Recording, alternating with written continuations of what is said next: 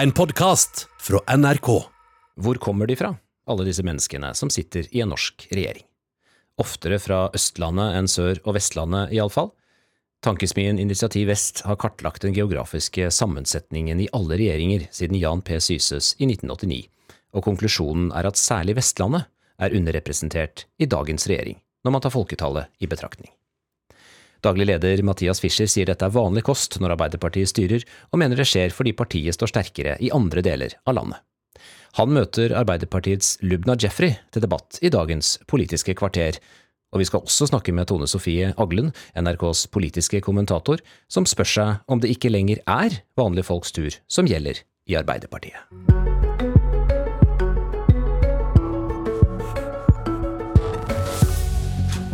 Det er altfor få vestlendinger i regjeringen, og det merkes på politikken, ifølge tankesmien Initiativ Vest, som mener regjeringen har et vestlandsproblem.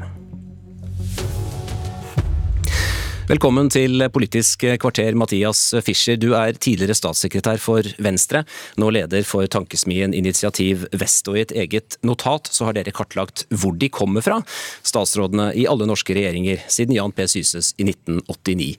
Hva er eh, konklusjonen?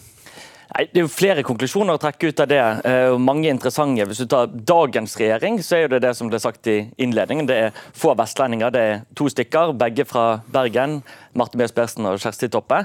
Og så ser man også en del interessante tendenser over tid. Bl.a. blant annet den forskjellen som du ser på når Arbeiderpartiet styrer eh, regjeringen, og når det er en borgerlig eh, regjering.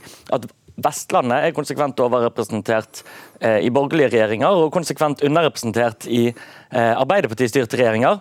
Og så kan man se tilsvarende tendens som overrepresentasjon og underrepresentasjon, altså når du ser andel statsråder opp mot andel av befolkningen, eh, for andre landsdeler. Som illustrerer noe av maktforholdet internt i partiene, eh, som, eh, som jeg tror også gir seg utslag i politikk. Du er jo med oss fra studio i Bergen eh, og har ditt blikk eh, derfra, men, men likevel, hvorfor er dette så viktig? Jeg tror at det betyr noe hvem som styrer. Jeg tror det betyr noe at de som sitter rundt eh, maktens bord, de tar med seg erfaring fra hvor de har drevet valgkamp, hvilke lokallagsårsmøter de har deltatt på, hvor de har kontakt med journalister og hvilke lokalaviser de leser. Det betyr noe. Eh, og at eh, den, det at det er bredt sammensatt i regjering, tror jeg har noe å si. Men at du da i dette tilfellet har en landsdel på 1,4 millioner innbyggere med færre statsråder enn Hedmark fylke, og fylker som Rogaland, Møre og Romsdal og da gamle Sogn og Fjordane ikke er representert, det tror jeg får konsekvenser for vestlendingene og utviklingen av den regionen. Men dere har ikke tatt med f.eks. Sigbjørn Gjelsvik, som jo er fra Naustdal i Sogn og Fjordane, eller Jan Christian Vestre, som er fra Haugesund? Ja, Det er riktig. Eh, nå har jeg gjort en maktanalyse og ikke en, ikke en oppvekstroman. Eh, og Derfor så har det vært viktig å ta nettopp det som jeg har vært opptatt av. Hvor er det man har sin politiske tilhørighet? Hvor er det man har sin maktbase? De folkene som man lytter til. Og Det er jo da hvor man er innvalgt fra. Sigbjørn Gjelsvik er innvalgt fra Akershus valgkrets og ikke fra Sogn og Fjordane. Derfor må han plasseres i den kolonnen. Et eh, siste spørsmål i denne bolken. Hva med Sørlandet? Det er ingen statsråder fra Agder i regjeringa heller? Nei, og Sørlandet er konsekvent underrepresentert i absolutt alle regjeringer. Eh, og så er det kanskje, altså, De ville blitt veldig overrepresentert hvis de hadde to, og så blir de litt underrepresentert når de har én. Eh, men eh, Sørlandet har jo en, en manglende posisjon i de fleste partier, kanskje utenom Kristelig Folkeparti. Velkommen hit, Lubna Jafri. Du er stortingsrepresentant for Arbeiderpartiet, fraksjonsleder i kontroll- og konstitusjonskomiteen på Stortinget. Du er også bergenser, og du har bakgrunn som byråd i, i Bergen. Det betyr noe hvem som styrer, sier Fischer. Er du enig i det? Ja, absolutt så betyr det noe hvem som styrer, og jeg er glad for at det er Arbeiderpartiet og Senterpartiet som styrer Norge i dag. Eh, og så til det som han eh, tar opp, da, at hvor du kommer fra. Selvfølgelig så betyr det noe hvor eh, folk kommer fra. Fordi at om du da oppvokser i Bergen eller i Oslo eller i distriktet, så ser du verden på en viss måte.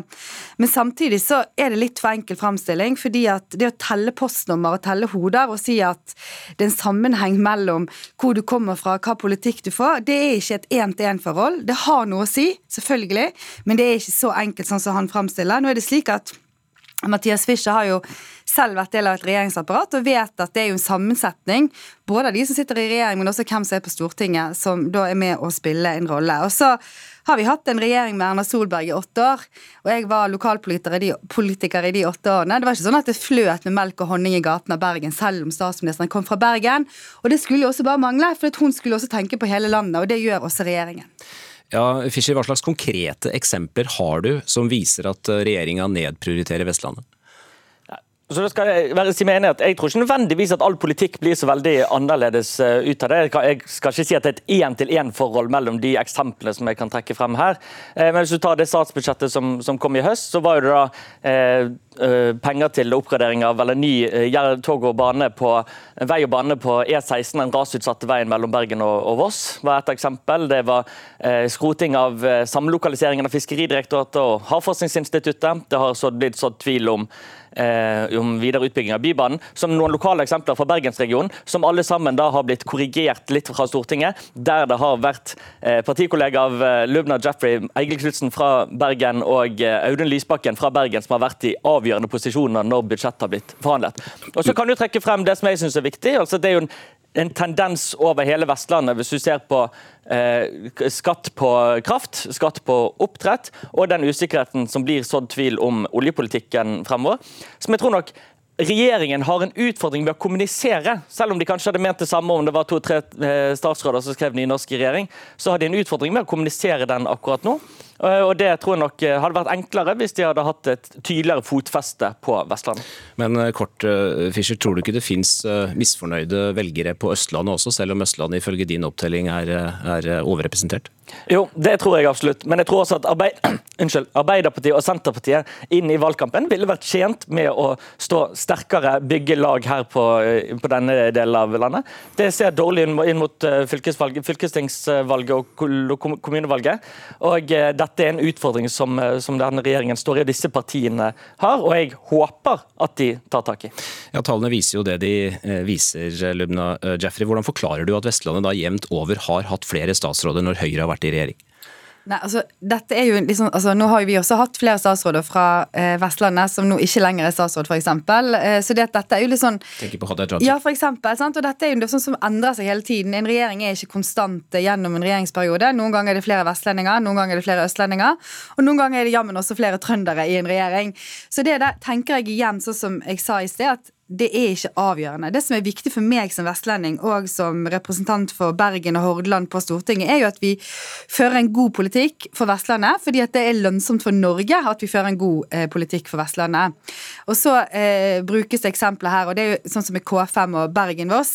Jeg er veldig glad at den kom inn igjen på statsbudsjettet, og at der landet vi den saken. Men det er klart at det hadde ikke skjedd hvis ikke det var vestlendinger i stortingsgruppene, f.eks. For eksempel. fordi at, som sagt, det er ikke slik at alle beslutninger tas i et lukket rom.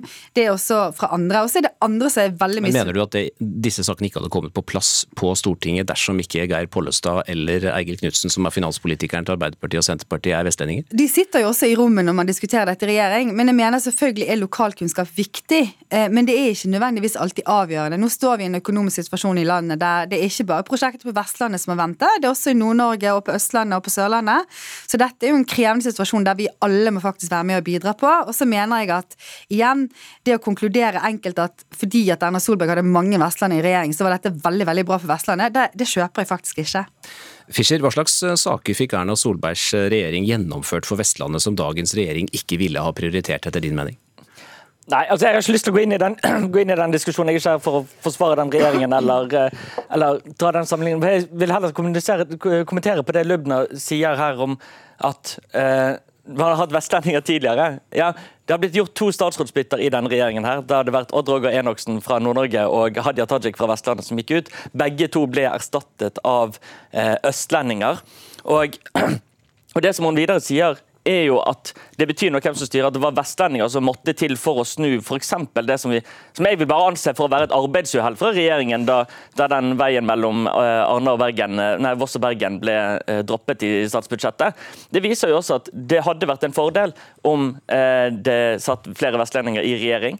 Og Det er ikke alltid at sakene kommer til Stortinget og Eigil Knutsen kan være der for å redde oss. Og Audun Lysbakken blir snart byttet ut med, Kjersti, med Kirsti Bergstø. Ok, eh, Lubna Jeffrey, du har også leda et eh, utvalg i Arbeiderpartiet som har vurdert endringer i partivedtektene, bl.a. for å sikre større representasjon i partiet. Ligger det an til endringer på landsmøtet senere i vår som vil ramme lokallag som henter mange av sine medlemmer fra andre kommuner, som f.eks. Trond Giske Nidaros? Vi har vært opptatt, altså Vårt mandat har jo vært å se på økt representativitet, sånn at folk, medlemmene i Arbeiderpartiet skal få mer innflytelse. og Det har vært et av hensynene som vi har sett på. og Det har vi også lagt til grunn de anbefalingene vi har gitt eh, sentralstyret, da, som da kommer til å bli behandlet på landsmøtet senere i vår. Ja.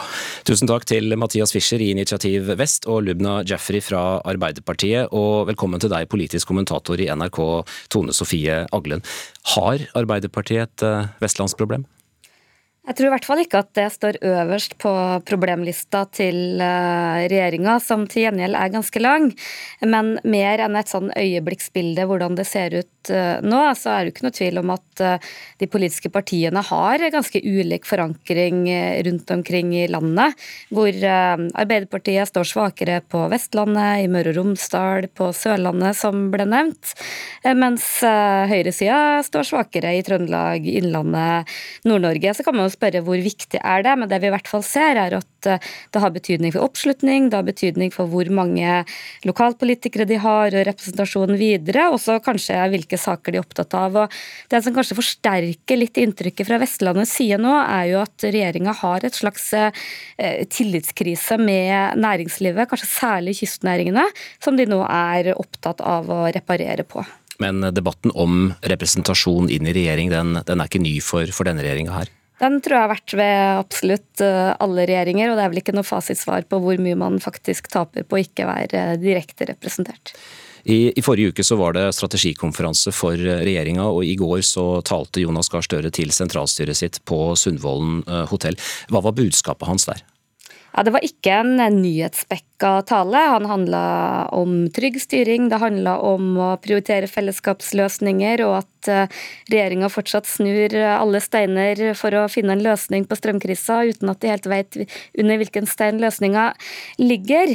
Likevel så er det vanskelig å ikke legge merke til at det er et litt annet parti som nå går inn eh, i det nye året. Man framstår litt mer åpen, mer lyttende, mer sjølkritisk, og det virker som at Arbeiderpartiet er opptatt av å Eh, imøtegå noe av den kritikken som har bobla litt internt i partiet, som handler om at man har eh, lagt seg for mye ut med næringslivet. Vi hører litt at man endrer litt retorikken mot eh, private aktører. Nå snakker man om unødvendig privatisering, og også denne by-land-problematikken er noe man adresserer med å snakke mer om storbyene. og Raymond Johansen var vel den eneste lokalpolitikeren som faktisk ble nevnt av Støre i går. Støre brukte også ordene moderne og gjenkjennelig i sin tale. Hvordan skal vi forstå den ordbruken?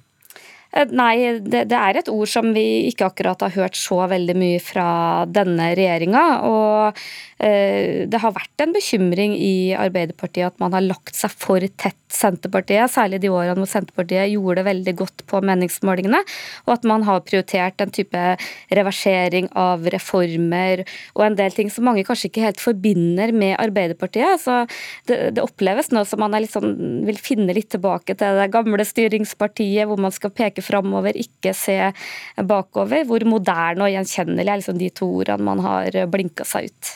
I dag så har du en ytring ute på nrk.no der du slår fast at det ikke lenger er vanlige folks tur i Arbeiderpartiet.